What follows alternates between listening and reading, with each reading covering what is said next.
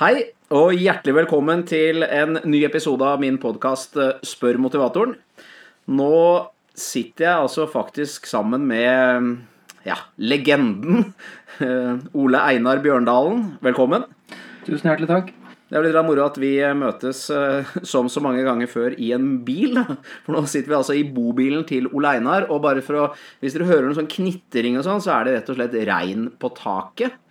Vi sitter utenfor Ikea på Hamar. Ja, det stemmer. Jeg er på vei til fjells for å teste litt ski. Og dette var et fint møtepunkt som vi også har hatt en del ganger før. Ja, Men har, nå har vi altså vært inne på Ikea, og det er vel ikke akkurat din Du har ikke vært mest på shopping i livet, kanskje? Nei, altså store sånne handlesenter er jo basillusksenter. Så ja. det unngår jeg så godt som jeg overhodet kan. Men i dag så har vi vært og kjøpt både esker for å lagre det ene og det andre, og kleshengere. Det må man jo ha. Så, og matbokser. Så det vi har vært Jeg syns vi har vært produktive i dag. jeg tror nesten vi må bare begynne med det mest jeg tror alle egentlig bare lurer på. Det er, nå er du altså etter eh, du er jo, jeg, vet ikke hvor gammel du har blitt engang, men du er gammel mann og holdt på med dette her nå i, i 100 år. Og så, og så for, Nå er det noen dager siden du slutta med med skiskyting. Har, har, det skjedd noen forandring? Liksom? Er det, er det, merker du at det er noe nytt liv på noen måte? Det, jeg skulle gjerne svart ja på det, men jeg liksom kjenner ikke helt på det ennå. Men altså, det er noen ting som endrer seg, liksom. Det er eh, Altså no, på denne tiden av året, da, så har jeg liksom vært kanskje på mitt råeste på kreativiteten innen idrett og utvikle meg og bare bygge teamet mitt videre framover de neste fire åra. For nå er det fire år til neste OL. Det, er ikke der nå. Eh, jeg sitter ikke og skriver eh, hver kveld på PC, eller jeg hater egentlig PC, så jeg skriver mest på papir.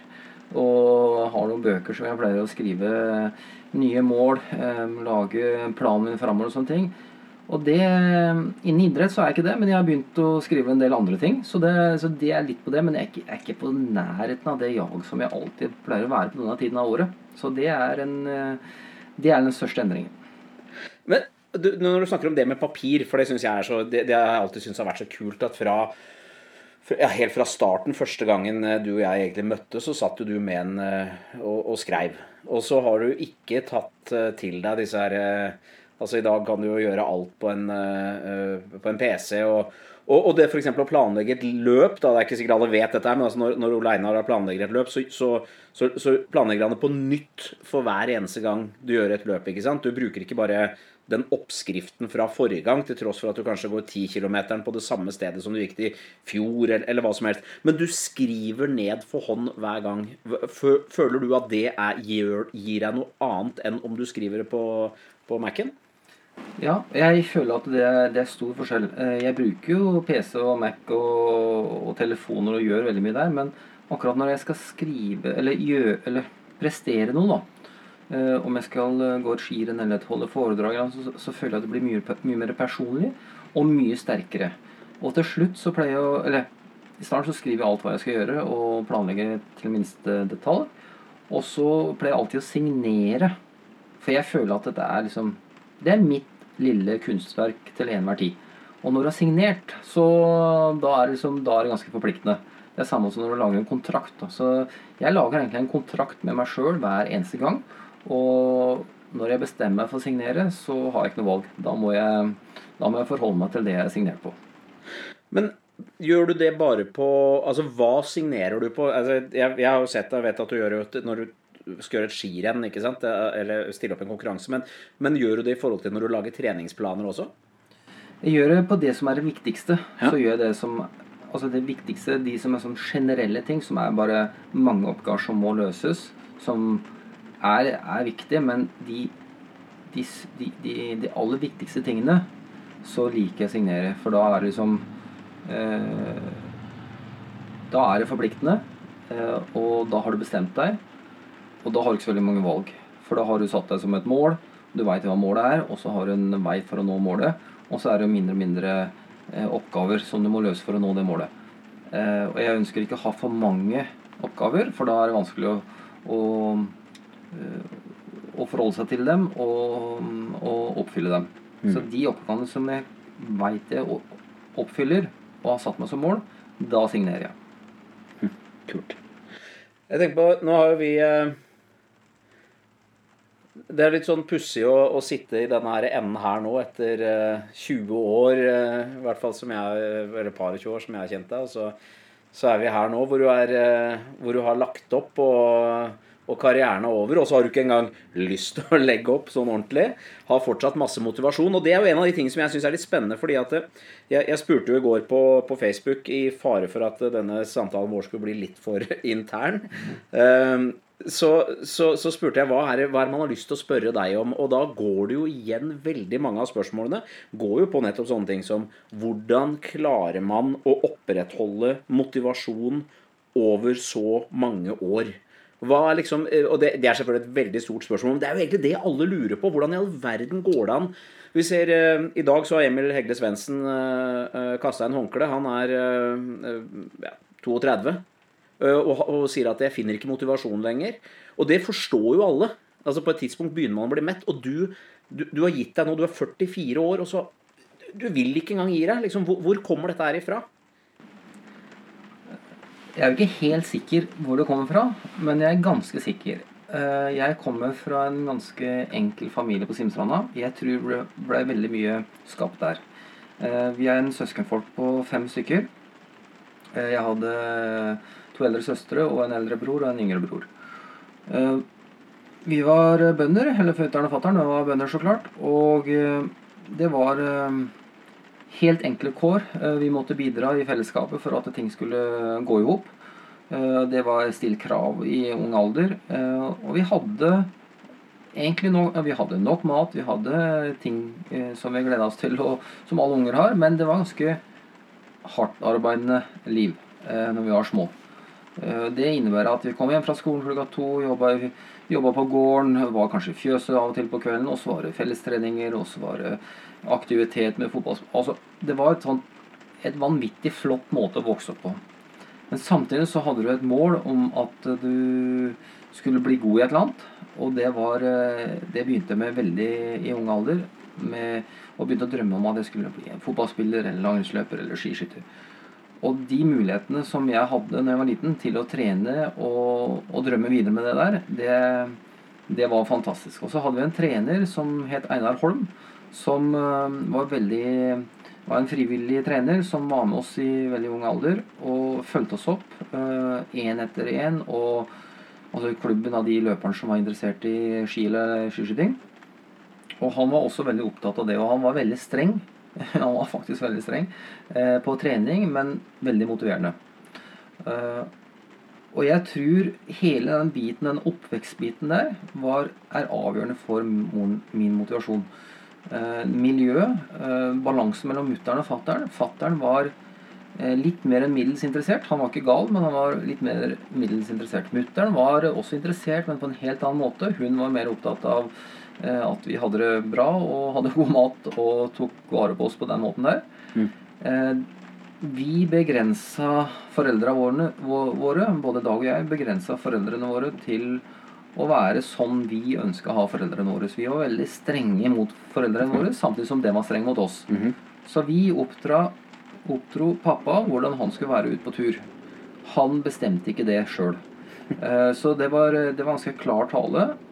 Og eh, vi fikk Altså, vi hadde en sånn indre drive på å motivere hverandre. Både, vi var jo en stor søskenflokk, med spesielt Dag og jeg. Og vi utvikla oss motasjonsmessig motivasjonsmessig som var eh, helt rått. Ehm, så er det, altså det er mye tilfeldigheter her, tror jeg. Altså vi har langrennsløpere kontra skiskyttere. En veldig sterk motivasjon der. Skiskyting var en veldig liten idrett. Vi ønska jo å få den sporten fram. Og så kommer det seinere, det er at jeg syns den utviklingsbiten er helt enestående. For i starten, når jeg ikke var så veldig god, så var jeg faktisk redd for å bli god. Hva skal jeg gjøre når jeg hadde blitt god? For da har jeg jo nådd målet. Mm. Det jeg oppdaga etter hvert, det er at når du er på, ditt, det, på noe av ditt beste, så ser du helt uante muligheter. Det er da jeg er mest kreativ. Etter f.eks. Jeg husker noen dager, eller timer og dager og uker etter Salt Lake, når vi vant fire OL-gull. Eh, det var da min kreativitet var på mitt aller beste, for jeg så helt andre muligheter til å bli helt rå og helt andre måter å trene på.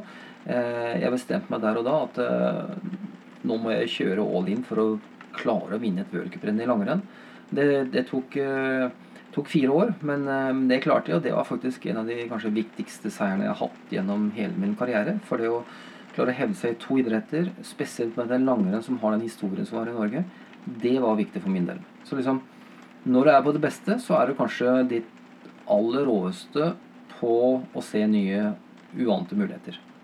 Jeg husker spesielt etter Salt Lake City, hvor du, eh, vi hadde en telefonsamtale utpå våren der, og hvor du sa at eh, Øyvind, nå er det viktig at du eh, husker at jeg fortsatt bare er Ole Einar.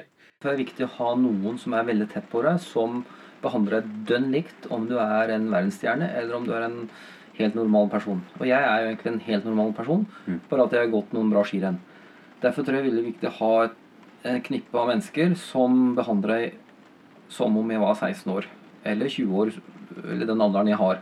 Men eh, som om jeg ikke har minnet så mye, men bare er kun fokus på min utvikling, eller den personen jeg er. Mm. Et eksempel på det er Eh, som jeg tror også er viktig. Jeg har ikke snakka så mye om det med Jeg har hatt hjerteflimmer eh, eh, i ti år. Eh, og det hvorfor jeg ikke ut, eller prata om det i media, det er pga. at eh, jeg trenger ikke sympati blant folk. Eh, sympati er veldig sånn følelseslada, og du mister en del energi på det. Mm -hmm. Uh, dem jeg kanskje trenger sympati av, uh, hvis jeg virkelig trenger det, det er, jo, det er jo de menneskene som er veldig nært deg, som virkelig mener det. Mm. Og det er jo nok av folk som også mener det, men sympati er liksom uh, Det er hyggelig å få når man trenger det. Men det er ikke så hyggelig å få når du ikke trenger det. For da blir du nesten deprimert og i dårlig humør. Mm. Og veldig lite på hugget og kraftfull og energiskapende. Da. Mm. Så hvis det er, For min del, eh, hver gang vi har kontakt med media og sånne ting, og også veldig mange andre mennesker, og hver gang så skal de spørre om ja, hvordan går det med, med flimmeret, liksom? Med hjertet. Og da begynner du å tenke, og da mister du litt av uh, kraften som du har i kroppen. Ja. Det er Jeg har en jeg, har nær sagt en kollega som lurer på en ting, som jobber med, med mentaltrening. Da. han er også politimann. Men han har et spørsmål, for han eh, jobber en del med idrettsutøvere bl.a. Og han har diskutert opp, ned og i mente med fysiske trenere og ledere som mener at det er umulig å måle effekten av mental trening. Eh, og så lurer han på hva tenker du om det? Det er jo kulehampen å måle effekten av mental trening. Men alle toppidrettsutøver kan skrive under at mental eh, balanse, mental trening, har effekt. Det er ikke noe som noe tema. Mm. Eh, skal du prestere under press, så må du være mentalt sterk. Mm. Eh, hva er mental trening? Jeg tror mange tenker mental trening er at ja, nå går vi til en psykolog, og en psykolog prenter noe, et eller annet inn i huet på deg som du skal fokusere på. Og så That's it, liksom. Mental trening er så mye mer. Det er eh, evaluering, forberedelse, planlegging. Eh, ikke minst som jeg tror det aller, aller viktigste for min del var mental trening. Det er å rydde opp det som er rundt deg, for at du skal klare å ha fokus på det du skal gjøre. Mm. Det har vært den aller viktigste, min mentale forberedelse til gode løp. Mm. Eh, jeg vet ikke om dere skjønte det jeg mente, prøvde å forklare, men det som Min private tilstand, min private livsstil Det å rydde opp i det er det aller viktigste for at jeg skal prestere. Mm. Det er fra venner, fra familie. Eh, oppklare ting, forklare ting, så at de aksepterer eh, og skjønner at dette her er viktig for deg. Hvordan du skal trene, hvorfor du er så mye på reise. Hvorfor den maten er viktig å få i deg i dag. Hvorfor at du skal drikke litt mindre alkohol, eller ikke drikke alkohol i hele tatt Hvorfor trenger du søvn? Hvorfor skal du faktisk eh, dessverre ikke feire jul sammen med eh, litt snørrete unger? Mm. Det, er, det, er, en del av mental trening, og da må du være mentalt robust sterk. Mm. Og for en toppidrettsutøver, det å gå ut i skiløypa og prestere, det er peanuts i forhold til de andre tingene som du må rydde opp for å prestere. Ja, det var første del av uh, Ole Einar-podkast. Um, vi har uh, vi pratet sammen så lenge og hadde så mye fint å prate om. Og jeg vil jo at podkastene skal være korte og spiselige. Så um, det her var del én, og så kommer jeg snart med mer ifra denne samtalen som uh, Ole Einar og jeg hadde. Så um, hvis du vil være helt sikker på at du får med deg når den kommer, så trykker du på at du abonnerer på podkasten. Det er altså helt uforpliktende og gratis.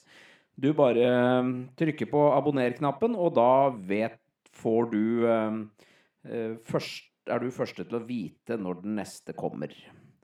Tusen takk for at du, du hører på. Vi høres snart.